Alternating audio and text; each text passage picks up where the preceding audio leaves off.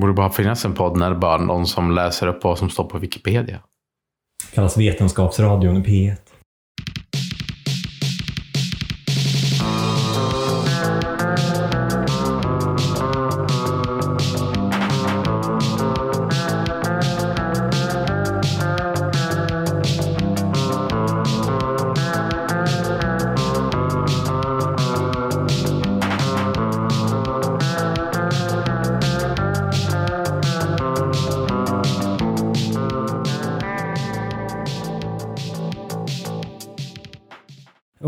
Vet du vad vi gör här för någonting? Nej, det vet jag faktiskt inte. Nej. Så att jag, jag och Ellen då, vi, vi känner ju varandra lite halvt. Vi har pratat i telefon väldigt mycket eh, om egentligen allt annat än vårt privatliv. Alltså bara saker vi har tänkt på. Men sen i perioder så har vi inte hunnit prata om grejer och då har vi skrivit upp dem i en lista. Det tog ungefär tre år att skriva den listan. Sen stängde vi den när vi rådde tusen saker. Och nu betar vi av dem. Tillsammans. Tillsammans med den otroliga producenten Sally. Som brukar ibland välja ut punkter, för ibland behöver vi förbereda dem sådär. Mm. Eh, nu, idag är Ellen sjuk och Sally är upptagen. Så att jag har nu listan framför mig. Och så tänker jag att du ska få säga en siffra. Och sen så bläddrar vi fram till den siffran och det som står där, det pratar vi om. Vadå, så 1 till 1000? 1 till 1000. Men vill du, eh, vill du presentera dig först, Oskar? Ja, jag heter Oskar. Ja. Är en glad marknadskommunikatör. Nej, jag, jag har aldrig varit bra på introduktioner, så ni får klara er med att jag heter Oskar. Och får jag vara lite mystisk. Ja, Vi brukar hoppa över det, för ingen av oss är kändisar. Nej. Det hade ju varit intressant om du hade varit kanske arbetsmarknadsminister Eva Nordmark. Nej, men det är jag faktiskt inte. Jag blir ofta misstagen för just henne. Det är många som förväxlar oss faktiskt. Men du är ju en glad, alltså så här, skulle jag beskriva dig så är du ju en glad gamäng. Mm. Ditt liv känns ju som en Hergé, alltså serie. Att du liksom så, när du kör bil så liksom skuttar bilen fram och däcken nästan faller av, men det är aldrig något som faller av. Och att du liksom tar långa kliv och kläderna vajar. Men du är ju otroligt bakfull idag. Vi kan ju börja där. Vill du berätta varför du befinner dig i det här stadiet? Jo, vi har ju... Jag tillsammans med några eh, goda vänner har två årliga Heroes 3 of Might and Magic-turneringar. Det är alltså då ett, ett, ett datorspel som man spelar över nätverk. Nej, inte över nätverk. Det är liksom hot seat. Man spelar sin tur och sen så får man flytta på sig och så tar nästa person datorn och spelar sin tur. Det här är alltså det är ett spel från 1997. Ja. Och då brukar vi spela det i typ 12 timmar och dricka massa öl. De är ju döpta efter en person, de här turneringarna. Du kanske inte vill avslöja Vi kanske inte behöver nämna hennes namn. Men Vi vi, kan kalla henne NN. en, hon tillverkade en fin buckla en gång i tiden som Ja. vi använde som pris. Så därför är den döpt efter henne. Men det är egentligen ett eh, ihoppysslat kakfat. Mm. Och den andra turnén eh, eh, utspelar sig på en vind. Så då heter den Vindendon. För vi är så fyndiga. Fantastiskt. Vad, vad tycker NN om att det, det är... Eller känner du NN bra? Ja. Men hon, vi hade den här turneringen i typ tre år innan hon fick reda på att vi hade den. Och att den är döpt efter henne. Och den heter alltså en, en Memorial Cup. Då. Men hon lever. Hon lever, hon är inte död. Det är bara att vi minns henne lite extra den dagen. Och igår så kom hon faktiskt förbi en sväng och hälsade på under Hon gjorde det? turneringen också. Så hon fick se. Hon, hon tyckte det var väldigt konstigt. Det är ju ett sätt att umgås på. Jag tänker nu efter pandemin så behöver vi ju återupptäcka sociala sammanhang. Mm. Man kanske kan ha ett, ett ritual-event där man hedrar någon av sina mer avlägsna bekanta för att hålla flamman levande. Exakt. det är precis så det är. Vi försöker, vi försöker minnas folk som fortfarande är med oss lite.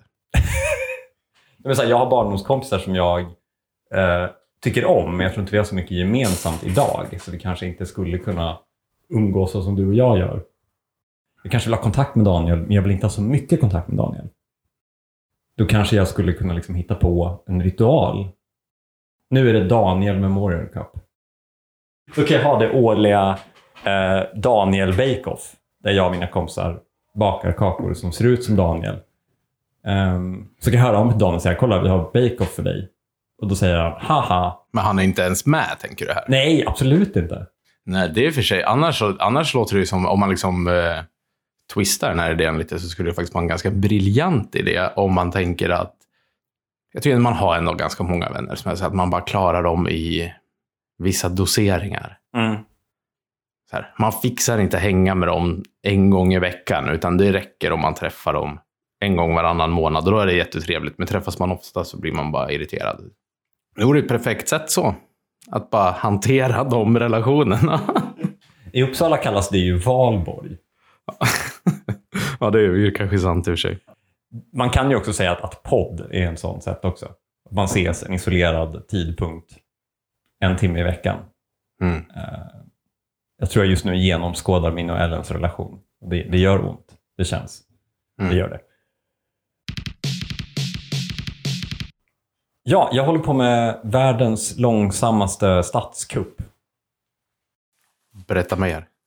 Snälla förstör inte det här för mig nu, för att jag är snäll och delar med mig. Men eh, eh, jag bor ju i ett förtjusande litet område i Uppsala. Och mitt emot mitt hus så finns det en, en gräsplätt som är väldigt eh, gullig. Mm. Och eh, den har liksom inget namn. Det bara är en gräsplätt. Alltså den är anlagd som en park med typ en gammal bollbana och liksom bänkar och sådär. Men jag har kollat i kommunens kartarkiv och den har inget namn. Klart har. Och eh, jag vill att den ska heta Läckerparken. Efter mannen som ritade området. Mm. Är det Gunnar? Ja, Gunnar Läcke, Mm. Uppsalas gamla stadsarkitekt. Så att vi också kan ge den smeknamnet Läckan. För att den delar också, eh, den delar också liksom markyta med vattenverket. Och då har jag eh, upptäckt det här om dagen att jag är en sån här local guide på Google. Så att jag får göra ändringar på kartan utan att någon behöver bekräfta dem. Mm. Så då har jag lagt in Känner du att det är en makt som korrumperar? Men jag har aldrig missbrukat den förut. Jag har alltid gjort, alltså jag har ju fått den här statusen för att jag har varit astöntig och typ lagt in så öppettider för pizzerior i Säffle. så jag har nu lagt till den här parken som Läckeparken, smeknamn Läckan. Fått det godkänt på Google Maps. Sen la jag också upp den på Apple Maps direkt efter. Då gick de in och kollade på Google Maps för att se om den fanns. Så de godkände också den. Sen har jag gått in och skrivit recensioner på butiker runt om parken och skrivit att de är jättebra och att de ligger väldigt mysigt mot, mot Läckan. Så du har kuppat igenom ett namn på en anonym liten park? Ja. Jag har också varit där och fotat parken i fint ljus och lagt upp som bilder.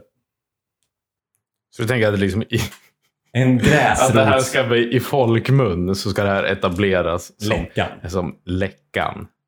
Myten kommer vara att den döptes på grund av stadsarkitekten som ritade området vi befinner oss i. Men det kommer att viskas på krogarna runt om i Uppsala att det egentligen var En, en ond man från Säffle. den vedervärdige mannen från Säffle. ja. Ja, så stöd gärna min kamp för att eh, få annektera mark utan konsekvenser. Hashtag läckläckan. Alltså jag, jag blir bara imponerad. Jag känner så här, jag ska snart bli pappa och jag känner att jag knappt har energi att hitta på ett namn till barnet. Men du sitter och Läckan! arbetar fram namn på anonyma gräsplättar. Säg en siffra mellan 1 och 1000. Eh, 613. Den är tagen. 313. Det är Kalle Ankas eh, registreringsnummer. Just det. Punkt 313. Nuckan. Jobbigt och lite, lite härligt att vara oåtråvärd. Jämför positionen gammal, att vara skyddad från manligt begär. Kanske att jämföra med lesbisk. Åh herregud, jag tänkte liksom att det skulle vara något så här mycket mer. Men du är ju litvet. Det här borde inte vara något problem. Har du läst Nuckan? Jag har faktiskt inte det. Du har inte det? Men du känner till begreppet?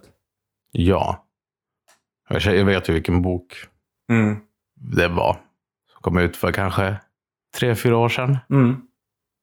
Jag, jag slukade den eh, för att den var kort. Ja, det är bra, du kan direkt liksom lägga upp den på listan som läst. Exakt, exakt. Jag har i och för sig ingen sån läslista. Alltså jag, jag... Borde man ha det? Har du det? Nej. Det har jag inte heller. Men jag, eh, jag är en person som kan tro att jag inte har läst en bok och läsa om den.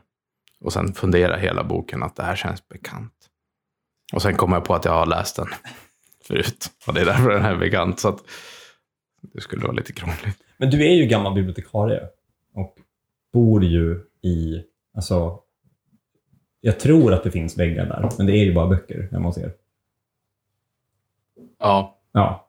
visst. Betar, har du betat av, betar du liksom av dem? Eller har det blivit mer så en ständigt, ständigt växande ångest över... Det är väl med, det går ju snabbare att köpa en bok än att läsa den. Men eh, man betar väl av. Men jag har ingen, jag har ingen, vissa har ju så här, någon så här systematik, att man liksom bygger upp att det här är läs, här är läshögen, den ska jag jobba mig igenom i år. Mm. Det kan inte jag göra. Jag har alldeles för dålig disciplin. Men du går bara till din bokhylla och plockar något liksom, som ser kul ut? Ja, men jag har också en tendens att välja väldigt tråkiga böcker. Som typ, här är en bok om hoplitstrider i antika Grekland på 560 sidor. Och det tänker jag liksom när jag tar ut den att det här är ett jätteintressant ämne. Mm. Men sen inser jag att det är inte, jag tycker inte alla jag tycker det här är jättetråkigt. Men eh, jag läser dem ändå. Mm. Och så tar det typ ett halvår att läsa den. Mm.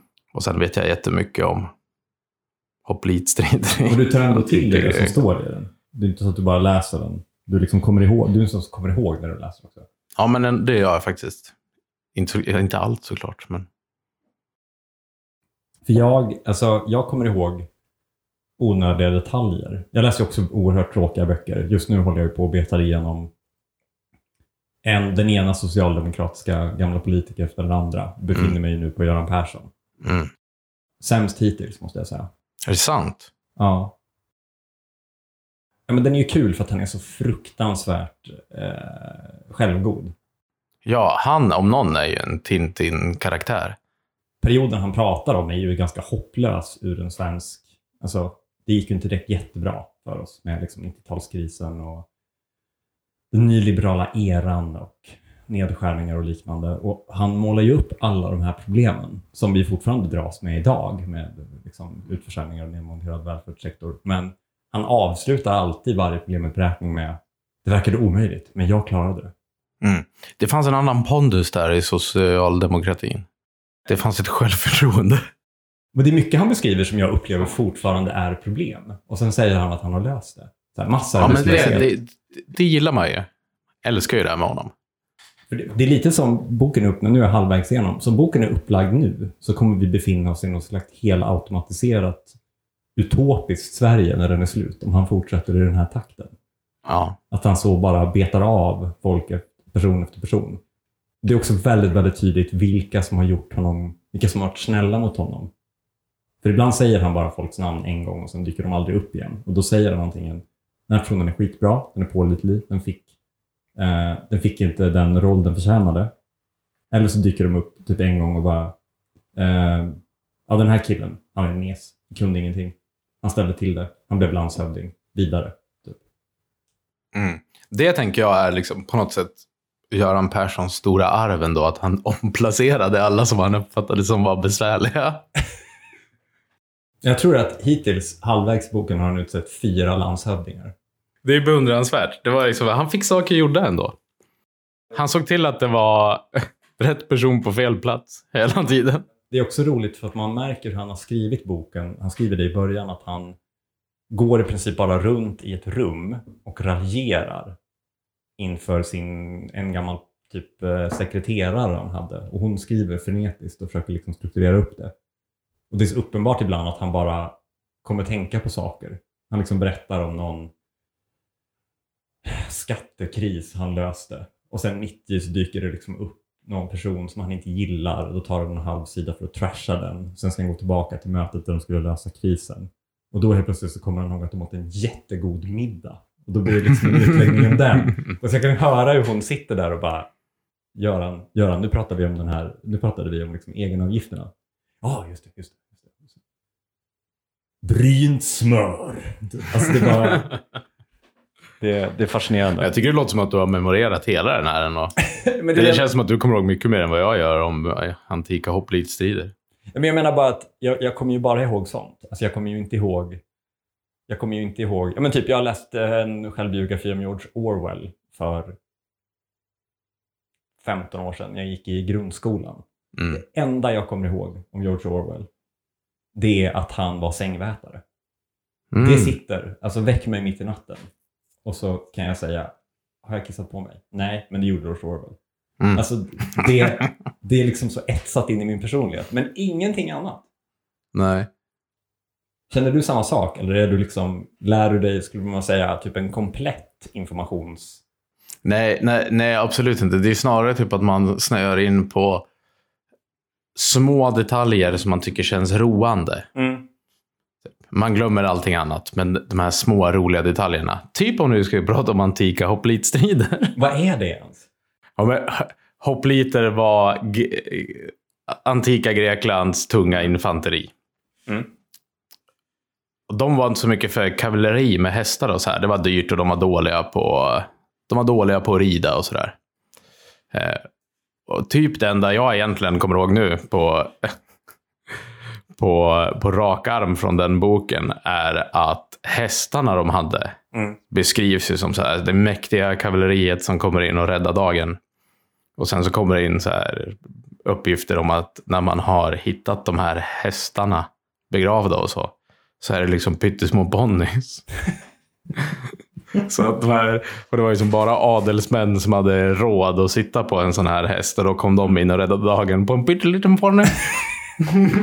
Ja, men det alltså man, man, man gör ju typ Buzzfeed-listor. Alltså man gör ju sådana... Ja, om jag hade skrivit en Buzzfeed-recension av den boken så hade jag skrivit pyttesmå hästar i, i antikens Grekland. Ja, men det är ju det. Men jag undrar om vi, jag undrar om våra förfäder, alltså folk som läste böcker förr, minns böcker så. Ja, men det beror på. Det känns som att både du och jag när vi läser en bok letar egentligen bara efter anekdoter. Ja, så är det ju. Som i allting. Jo, jo allt, allt, alltså livet är ju en pågående anekdotfabrik. Det är det nu. För det är så man umgås. Ja, men det är därför man, man gör saker. Men det är väl en personlighetsdrag, tänker jag, som får att göra att man alltid ser saker från den ljusa sidan. Alltså om man råkar ut för någonting riktigt, riktigt tråkigt. Man får soppa torsk mitt i en högtrafikerad korsning. Ja, men typ. Då, då tänker man direkt till liksom, tjong, nästa middag räddad. Ja, så kan vi prata om gången jag gjorde bort mig. Ja. Och sen kanske man umgås med en person, eller snart ska gifta sig med en person som inte alls har samma inställning. Ja, exakt. Det delar vi också. Ehm, jag ser nu att vi inte ens har vidrört punkten som Ellen har skrivit. Att vara inte vara åtråvärd Ja. från manliga ögon. Ja. Jag vet inte. Jag tänker ju att, eh, som Ellen skriver, att man kan frigöra sig från den manliga blicken genom att bli en nucka. Kanske aktivt göra sig oattraktiv så att man blir osynlig. Jämfört som eh, den vad ska man säga, transformationen som äldre kvinnor får genomgå. Ofta fast de inte vill. Typ. Att de känner sig osynliga. Um, Men jag tänker att det är så här, hur är det i... Jag har som sagt inte läst den här boken. mm. Men är det så att det är det som har skett? Att man har liksom medvetet velat skapa en sån bild om sig själv för att slippa det? Eller är det någonting som har byggts upp, man har accepterat den positionen av någon anledning? Ja, nej, men jag tror att det är både och. Att hon i den boken reflererar kring ett, ett manslöst liv. Att hon, hon har haft män, men det har inte funkat. Och nu är hon i en position i livet där hon bara är osynlig för män. Och det på sätt och vis är skönt, för att hon behöver inte göra till sig för män eller förhålla sig till män. Men det är ju också mördande, för att hon är ju osynlig. Alltså det spelar ingen roll vad hon gör, män bryr sig inte. Och på något sätt så ger ju det ändå någon slags bekräftelse och livsglädje. Mm. När jag läste den boken, det enda jag kan tänka på är att jag, jag blir tunnhårig. Typ. Att det är på något sätt en eh, sluttande planet mot ofrivillig nuckhet. Men då blir man ju alltså dad istället, tänker jag. Ja, jag känner inte att det, det känns som att det är jämförbart med tunnhårighet. Okej då.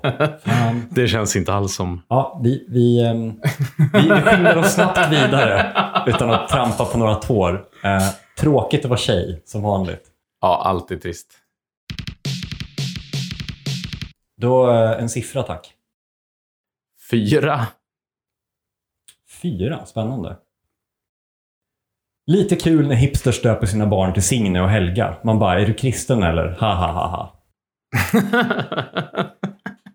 Alltså, ehm, jag tycker att det är ju synd att Ellen inte är med för att hennes kompisar heter ju typ bara så. Signe, Helga, Oddvar, Mildurpf. Alltså de heter ju bara sjuka saker. Och vi har pratat om det här tidigare på podden, att, att mina vänner bara heter bibliska namn. mm, Och att det finns någon slags klasskoppling till det. just Men, det. eller så här, det leder oss ju osökt in på det faktum att du ska ha barn. Ja. Har du valt ett namn till ditt barn? Nej, vi, vi har inte valt något namn. Bli, nu, vi vet ju inte exakt vad det blir, men skulle det bli en pojke, Ja. då tänker jag att det känns jättelätt. Då är det bara att köra på med någonting. Typ Kjell. Börje. Jag vet inte varför, men det känns som att jag skulle inte bry mig så mycket om vad de heter då. Men om någon anledning så tycker jag det känns viktigare att på något sätt välja rätt namn om det skulle bli en flicka. Mm. Jag vet inte riktigt varför. Är det för att hon ska vara åtråvärd för the male gaze? Ja, men exakt. Man vill inte att det ska bli någon nucka, va? Nej, men jag vet, jag vet faktiskt inte. Det är bara liksom en sån eh, känsla att det känns för mig så här, viktigare Mm. vad, vad liksom min dotter skulle heta Mm. än vad en, en son skulle heta. Det känns mycket enklare att bara, men vi klämmer till med Bosse och så får det vara så.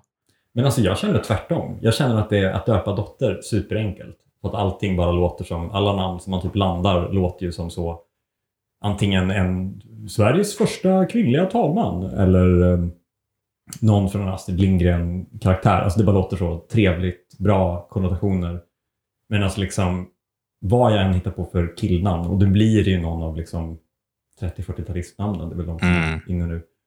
Uh, tänka på liksom driver begagnad husvagnsförsäljning. Benny. Ja men typ. Mm. Alltså det, det är ju... Jag tycker att det känns skitsvårt med killnamn. Samtidigt som man också inte heller vill dra det för långt. Alltså jag önskar ju att jag hade din inställning. Att man bara, vi kör Kjell, det blir skitbra. Eh, för att det blir ju också så sjukt uppenbart om man försöker liksom hitta på ett eget namn. Melvin, typ, eller eh, Ja, Pilvar, exakt. Guttber. Jag kollade lite på så här, bara för inspiration. Mm. Så, så satt jag och bläddrade i de isländska sagorna Mm. efter roliga namn. Mm. Eh, och jag hittade några. Det, det, det bästa namnet jag hittade där var Torstein Torskbitare. Det kändes som ett sjukt pampigt namn. Eh, och sen hittade jag också det fantastiska namnet Kvällsulv. Det är fint. Men det, är Som ju, ett förnamn. Kvällsulv. det låter ju lite som att ni var på Tantrafestivalen. Exakt, det är där det skulle göra. Det, nu det kommer aldrig hända att ungen får heta Kvällsulv. Men det är bra att du gör det förtydligandet. Ja, jag vill verkligen göra det för tydligt. Men på något sätt kan man liksom sakna dem. Att så här, ändå gött när det kändes som att man kan bara hitta på någonting. Men det är ju det, alltså. Det är svårt att bara hitta på någonting utan att det känns som att man har tänkt, alltså så att man har döpt sitt barn till Måneskin eller liksom evig diamant. Typ. Ja, nej. För det, då tänker man ju direkt orosanmälan. Det man säger så här, Thomas Di Levas ungar, bara oj, oj. Ja, men de heter väl typ Men De är så här, Kosbos. Crossboss, döpt efter min favoritapp. Här är mina barn, Crossboss och Swedbank Mobilbanken Ung. det är faktiskt ett väldigt bra namn. Du var tvungen att välja ett banknamn till dina barn. Vad... Sparbankerna. Hälsingland. Ja, varför inte? Köpa Jag, det. jag skulle ta medlemsbanken Jak. Åh, Jak, vilken toppenbank. Visst är det en sån hippiebank? Ja, det är det. När man, eh, här, alla har andel i alla andra sparande. Då. Det är som ett kooperativ på något konstigt sätt. Eller ett pyramidspel. Det skulle det också kunna vara. Har du sett att de har anlitat en eh, marketing? Att de har liksom hyrt en, en reklambyrå? Nej, dykt upp jag massa har dålig koll på deras marknadskommunikation. Men jag får måste så här jag säga. affischer med, med liksom någon snygg tjej som sitter med sin mobil och så bara Jak, banken för dig. Hur, har de, hur ser den här snygga tjejen ut? Vad liksom, jag tänker så här, det vore kul att kunna utröna någonting från hennes... Så här, vad är målgruppen, tänker du, för den? Nej, men hon ser väl ut att ha... Alltså så här, hon har väl oklart ursprung. Stockfoton ser quirky European ut. Mm. Kvinnan ser ut som att hon skulle kunna liksom vara varifrån som helst i världen. Just det. Alltså hon skulle kunna vara från New York, Skövde och Bangladesh samtidigt. Men jag tänkte mer, ser ut som en så här modern... Åh, här är en modern stadsmänniska som sitter i ett fönster till ett hotell och Ja, nej, alltså det, eller så här, det är... löser sitt sparande på ett supercharmigt sätt. Eller ser det mer, är det så här, tja, här sitter jag i rastaflätor i en lada och... Mer den. Mm. Alltså det är så New York fast hemslöjd. Just det, ja, jag förstår precis vad du menar faktiskt. Ja. Urban eh, hemslöjd. Urban hemslöjd. Det, det är alltså att man gör en molotov. Ja, men man, eh, man virkar sina egna banderoller till Ung Vänster Bromma. Ja, men precis. Alltså på tal om reklamaffischer. Um, man är ju medveten om att det finns lobbying. Det känner du till och det känner våra lyssnare till. Eh, jag har stött på den roligaste typen av lobbying precis utanför mitt hus. Så sitter det en, en stor poster. Mm. Eh, där det står, det är en bild på så här ett barn som kollar in i kameran och ser superoskyldigt ut. Och så står det luftkvaliteten i klassrummen påverkar skolresultaten. Ja, just det. Den har jag sett. Ja, så är det från Svenska Ventilation AB eller något sånt där. Mm. Så där de menar är liksom att skolor med bra ventilation får bättre resultat. Och därför ska skolor köpa, eller de ska få allmänheten att tänka, just det, vi måste köpa luftvärmepumpar till barnens skola. Jag tänker mig att det här känns som en så här falsk korrelation. Att det snarare är så här nybyggda, välfinansierade eh, friskolor som så här bara, ja, vi, vi har det och så har det här. Vi vill bara ha de begåvade kidsen. Du tänker att din affisch skulle vara goda ekonomiska förutsättningar och skapa bra skolresultat. Jajamän.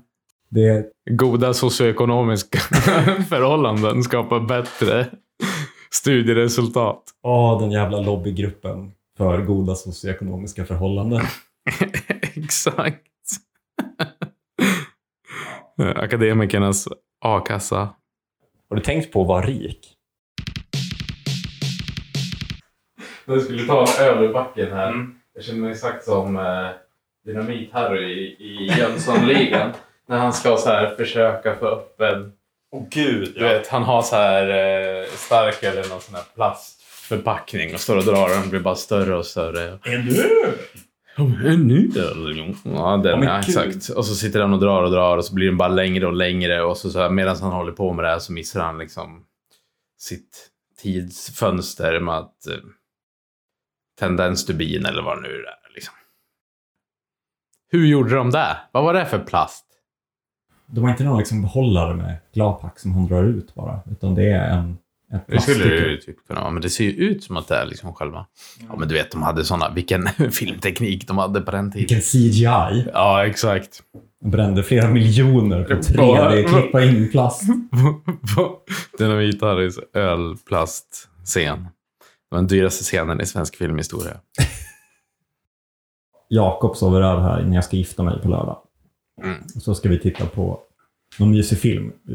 Vi funderade på någon Kevin Costner, men nu ska jag tror fan vi ska se uh, ha Jönssonligan maraton. Vi ska göra ansiktsmask, äta godis och kolla på någon gammal svensk film. Det blir nog Ja, fan Jönssonligan. Ja, gud vad trevligt. Typ. Mm. På Mallorca eller något. Oj, oj, oj. Ja, det är en film det. Det är alltså, gud. Linnea har ju inte sett uh, Jönssonligan. Va? Vad hon för barndom? Jag vet inte, men vi har ingenting att prata om. Nej, jag förstår det. Är säker på att du ska gifta dig med henne. Det är ju det är frågan. Jag vet att det inte har någon punkt om det, men ska vi liksom bara slå fast att typ Sällskapsresan, Göta kanal, eh, Fredrikssons fabrik, Jönssonligan, vad har vi mer? Repmånad. Ja, repmånad, strul, eh, Ja, strul, ja. Mm. drömkåken. Ja. Alla de där, alltså det är ingen som kommer och säger att så här, det här är liksom top of the movie industry, alltså det bästa som någonsin gjorts och mest tänkvärd. Alltså, Nej, men det var ju liksom postpilsner-filmens gyllene era. Punkt 235. Har börjat använda högtalartelefon. Apropå ish detta, är det kul att äldre människor inte anpassar sig till att man kan se vem som har ringt. Utan de rusar till telefonen mitt i middagen. Eh, jag tror typ att Ellen har skrivit alla punkter, men är för jag kommer inte ihåg någonting. Men jag skulle vilja ställa en fråga. Och det är varför äldre män använder högtalartelefon på stan. Alltså apropå det här. Är det sant? Jag tycker jag upplever det motsatta, att det är så här högstadieungdomarna, typ. Alltså gymnasiekidsen som går omkring och... Ja, men de spelar ju musik. Nej, men de pratar ju också högt så här i sina... Alltså jag kan ju få panik om jag är ute och åker i bilen och har med mig någon och det ringer och så svarar jag och så kommer Linnea på högtalartelefon. Och så säger man ju direkt, ja men nu, eh, jag är i bilen med, med Oscar. Typ. Men sen säger man ju också när man säger det, du som sitter med i bilen då, när jag säger till Linnea, nu är Oscar med i bilen. Då känns det som att meningen skulle kunna fortsätta, så säg ingenting om vårt konstiga tantrasex. Säg ingenting om det här vi pratade om Oscar om igår. Ja men typ, alltså det känns som att man döljer någonting. Ja. Det, det, you can never win med högtalartelefon. Därför Nej. undviker jag det. Men du menar alltså att det är yngre människor som gör det här? Ja, jag upplever att det är ja, men så här, ja, högstadie och gymnasiekids som går omkring och snackar med sina kompisar. Så. Som att de vill... Min analys i alla fall är att det inte handlar om att de är så obekymrade om att någon annan skulle höra deras samtal, så de bryr sig bara inte. Utan att det snarare är att de vill att andra ska höra. Vad de, ja, och att de liksom har något så här, åh, coolt samtal va? Mm. snackar med min coola kompis Nicke. Att de har ringt en cool person? Ja, och ska ut och göra något coolt. Typ. Åka, vad de nu gör, åker skateboard. Vänta, ska vi prata om skateboard? Låt mig slå på högtalartelefonen. Exakt, vänta nu. Hörru Nicke, du, vänta, nu, vi snackar bara lite om... Om jag ändå ska till skateparken, kan vi inte ta det? här? Du är på högtalare nu. Gud, jag känner mig som en boomer förresten när jag tänker att kidsens idags kompisar heter Nicke. Nicke och Nilla ska ut och skrilla lite. Jag läste en text tror jag, eller hörde någon prata om häromdagen, att ljud på telefon är liksom ute. Jag menar att man, har- alltså ringsignal. Ja. Ja, det, det håller jag med om. Jag har ju min telefon på med ljud hela tiden nu. Eftersom att, eh, Du väntar barn. ja, så man vill vara liksom lite redo. Och det är många som har kommenterat det här, både på jobbet och vänner. Så här, bara, vad fan har du ringsignal? Men du har väl en Android också? Har du inte? Jo, Fördom, som jag tror att det delar med hela svenska folket. Om man har en Android, har man inte då liksom en kukig ringsignal? jo. Det, det är faktiskt helt otroligt. Nu, det är som nu när jag tänkte, okej, jag måste ha en ringsignal. Alltså, den måste ringa. Ja. Så försökte, den här default-ringsignalen. Ja. Det låter ju som typ en hemsk Italo-disco-remix från 2001. Typ, det är helt otroligt. Men har du bytt nu ringsignal? Ja, för att det finns ju liksom i, ja men, ja. Det låter som en boomer igen, men man kan ju välja bland typ kanske 25 olika då. Polyfoniska Ja, ringsignaler? vet du, de låter olika allihopa då. Ja. Ja, och de flesta är sådana här liksom eh, Mozart i rymden. Typ. eh, och sen finns det typ några som bara så här, det här ska låta typ som en vanlig telefon. Ja. Och då finns det en som bara skjuter som typ en, en Nokia 3310 gjorde. typ. Mhm. Och sen finns det en som bara låter som en så här eh, dålig inspelning av en 80-tals telefon. Som bara låter alltså så här ring, ring. Och den tog du? Den tog jag. För att jag tyckte att den var minst irriterande och den är helt sjukt irriterande. Jag ska prova. Jag ska ta och ringa dig här, så vi med det på band. Oj! Det låter som, Ja. Det låter som att det ringer i, i liksom Gordon Geckos telefon. Men exakt. Hallå, är det börsen? Sälj. Ja, när jag sa sälj så lät det som träslaget och inte någonting man ska göra. Inte det en fågel? Ett träslag också? Ja, man kan ju piskor och flöjtar av det. Jaha. Det är ett väldigt brett eh, användningsområde. Piskor och flöjtar. På om man gillar kärlek eller våld. Vilken del av säljens användningsområden är du? Jag har svårt att uttrycka mig idag för att jag, liksom, min hjärna funkar inte riktigt. När jag pratade med min svåger tidigare idag så liksom, jag glömde bort. Han ställde en fråga till mig. Mm. Hur, så här, hur har din vecka varit? Mm. Och jag bara började svara på frågan men innan jag hann säga något så hade jag glömt bort vad han frågade. Men känner du, jag kan tänka att du har samma problem som jag har, att om någon ställer frågan Hur är det? Hur mår du? Eh, vad gör du? Bla, bla, bla.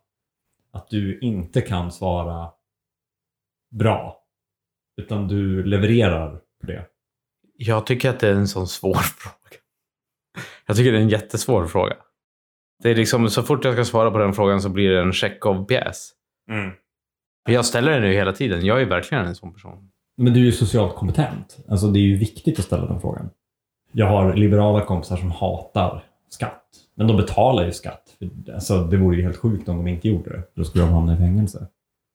Det är ju lite samma sak med den frågan. Man inte tycka om den. Man vill ju inte hamna i fängelse. Tack för att du har lyssnat på Tusen saker. Med mig Kim Johansson och Oskar Alsing vi kommer ut eh, varje vecka klockan sex på morgonen. Klippning Ellen Theander, ansvarig utgivare Ellen Theander, producent var Sally Eriksson. Nästa vecka så är eh, det en vikarie för mig för att jag ska gifta mig. Va?